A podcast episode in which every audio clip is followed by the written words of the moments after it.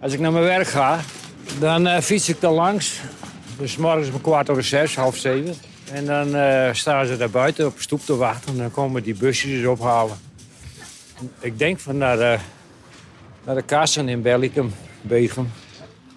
Dat is mijn uh, enigste ik van de Polen weet. Mag ik je aan iemand voorstellen? My name is Pavel Borovic. I come from uh, East Poland. And ik ontmoette hem in Friesland, maar zijn wieg stond in Oost-Polen. I work in a big fabric and I get salary 350 euro per month. And I start searching a job in other place. Yeah, in other place. En zo kwam hij hier terecht. Pavel is een vrolijke verschijning met geprononceerde jukbeenderen en heel kort naar voren gekamd haar. So, you take a seat?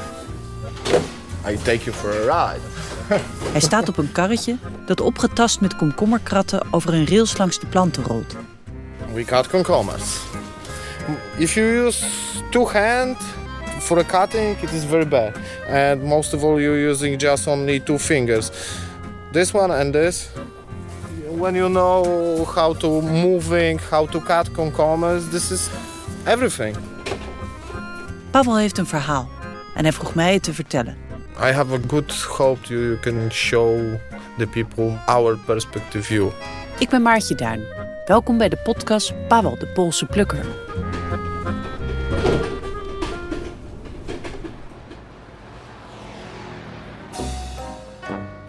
Het is nu anderhalf jaar geleden dat Pavel in zijn oude auto naar het westen reed. Alleen, op weg naar een baan die niet echt aantrekkelijk klonk. Most of all, I, I hear the many bad things about the, the work here. When you go there, probably you get a shitty job. Uh, they cut your salary. They don't pay a full. But one of the person give me a number for uh, this company and told you can try. This was one of the opportunity to, to find a better life. So we take it the next road. Hij beweegt zijn karretje voort met zijn voet.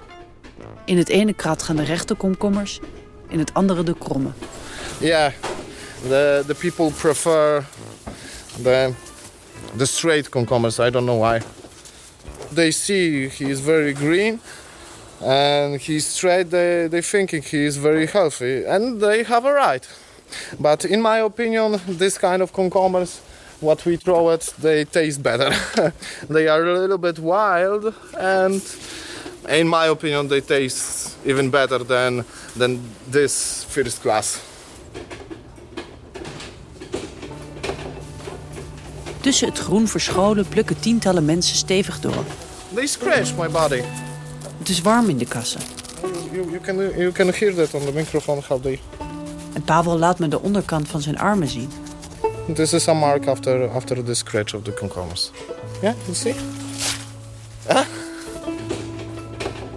This is not a job for my dreaming, but but it is a good job. If you agree with the all rules on the greenhouse, if you focus on, on your plan, then this is another problem. This just sm small scratch. Next day they are gone. And when you work on the tomato, your whole body, your hair, everything is green. I prefer the paprika. Paprika is not so dirty, they, she don't scratch. Perfectly good for me. Now we change the boxes. Het is eigenlijk gek, vindt Pavel, hoe weinig Nederlanders weten over mensen zoals hij. Het is niet alsof hij hier de eerste Poolse kasarbeider is. Ik ben Douwe de Boer, ik ben 48 jaar en ik ben hier al jaren 30 werkzaam. Ik was een van de eerste die met de Polen werkte hier. Ik denk dat dat gaat al, heel, dat al een jaar, dus uh, 15, 16 terug. Dan hadden we hier een proefje met hoge draadkomkommers. En dan hadden we een, uh, wat Polen en die konden alleen maar Pools. Alles wat, alles wat ze moesten doen, deed je voor. Dus als ze komkommer moesten snijden, dan moest je dat voordoen. Als je moest schoonmaken, moest je, met, moest je voordoen hoe je dat ging doen. Alles moest je uitleggen, met handen en voeten. Goeie, goede werkers, over het algemeen. In de eerste jaren hadden we wel uh, regelmatig wel Polen erbij. Maar dat waren de oudere Polen die wel stevig dronken. En die op werk ook wel eens een borreltje nuttigen. Nou ja, dan is het dan jammer. Die, ga, die, schop je weg. Maar ja, dat doe je ook met, uh, met je eigen mensen die niet goed voldoen. Ja, als het werk maar goed gedaan en waar ze naar weg komen, dat maakt mij niks uit. Het liefst uit Nederland, maar ja, die hebben we niet. Dus dan moet je het met buitenlanders doen. Dus We redden ons er wel mee. Maar ja, weet je, soms werken ze hier een jaar, soms twee jaar, soms drie jaar. En dan, maar uiteindelijk gaan ze allemaal weer weg.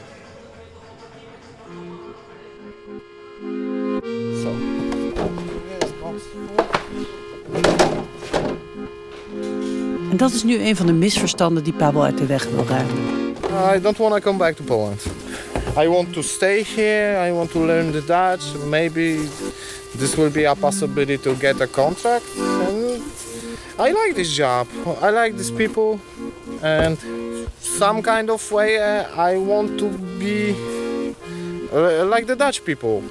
You have a much more relaxing thinking the, the Polish people. You can take a hand. Zorgeloos en relaxed. Zo ziet Pavel het leven in Nederland. En hij vraagt zich af, ligt zo'n leven ook voor hem binnen bereik? I don't know, because nothing is uh, stable here. Uh, when you work on the greenhouse, all hours depends uh, about the weather. If the cucumbers they are sick, they don't growing, you don't have a cucumbers. If they, uh, then you don't have nothing to cut. Yeah, obviously.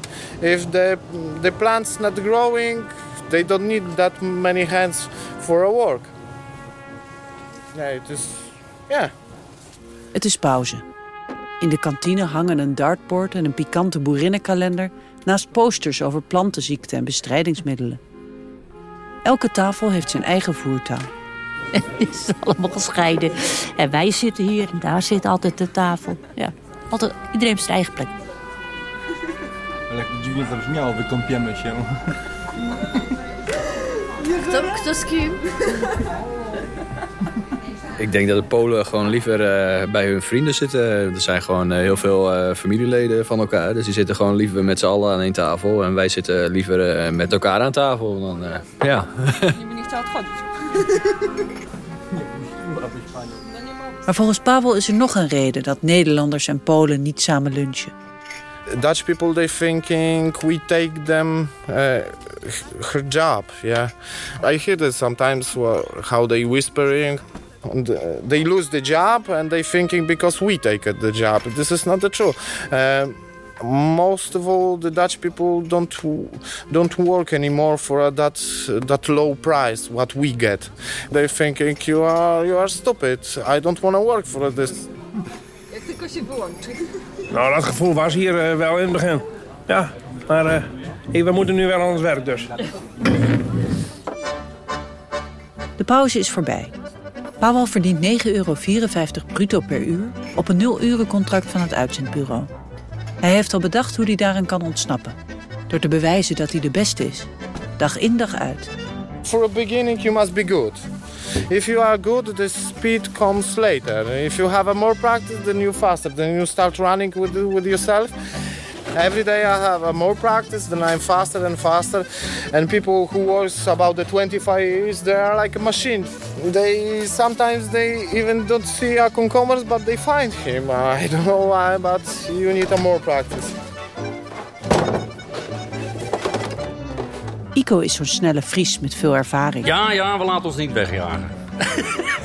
Een vijftiger met rode konen die hier al decennia werkt. Ja, ik, dit- ik heb hiervoor geleerd. eh, dit is mijn leven, dus eh, ik, eh, ik wil hier niet weg. Hij voelt de hete adem van de Polen in zijn nek. Het is meer competitie onderling. Eh, je wordt dus afgerekend op de, de cijfertjes, hè, die komen aan het bord te hangen. This is a scanner. This is our main computer, and they see on the on the screen how many time uh, we work, how- many time uh, we spend on the break. And when you go there on the left side, then you see a, board, and there are statistics. Vooral die buitenlanders maken er echt een sport van om eh, bovenaan te staan. Dus eh, eind van de middag dan draven ze snel naar, de, naar het bord, publicatiebord. En dan gaan ze kijken hoe hoog ze staan.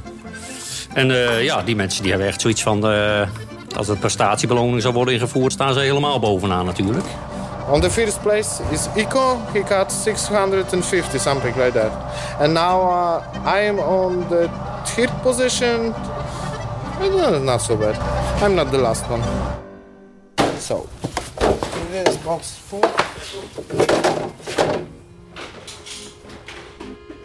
De dag loopt ten einde. Ook na vijven is Pavel nog vaak in de kassen te vinden. I always take the extra hours because it is good for me. It is also good uh, for a company and I feel uh, the company need me. De Nederlandse plukkers zijn dan al lang naar huis. We hebben onze gezinnen waar we thuis thuis moeten zijn. Weekends hebben we de sport en dat soort dingen allemaal. Dus uh, wij zijn niet dag en nacht beschikbaar.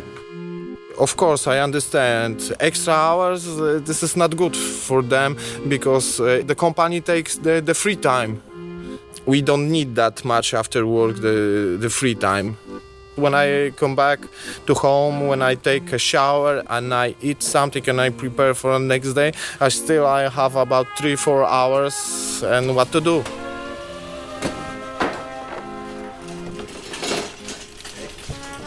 Vindt Pavel de Poolse plukker hier vaste grond onder de voeten?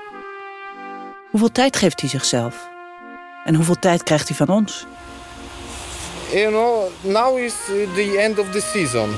And when I look on this plant, I can tell you how many days we will be cut cucumbers. You see the first cucumber from the top? This is a first, second, here, four, five, six, seven, eight, nine. Nine days for I collect the cucumbers. And this will be over. And I hope so I stay for uh, rebuilding this house, for, uh, for uh, preparing to the next season. Now, we finish. One more step. Je luisterde naar deel 1 van Pavel de Poolse plukker. Een podcast van Orkater, De Lawei en Ipen Up in het kader van Leeuwarden Culturele Hoofdstad. Volgende week zijn we welkom in het huis waar Pavel met zeven collega-plukkers woont. You will be my guest. I have a Polish sausage, Polish cucumbers, and Polish soup. I guarantee this will be a different taste for you. Tot volgende week. Oh, en als je wilt helpen om Pavels verhaal te verspreiden, schrijf dan een recensie in iTunes. Dankjewel.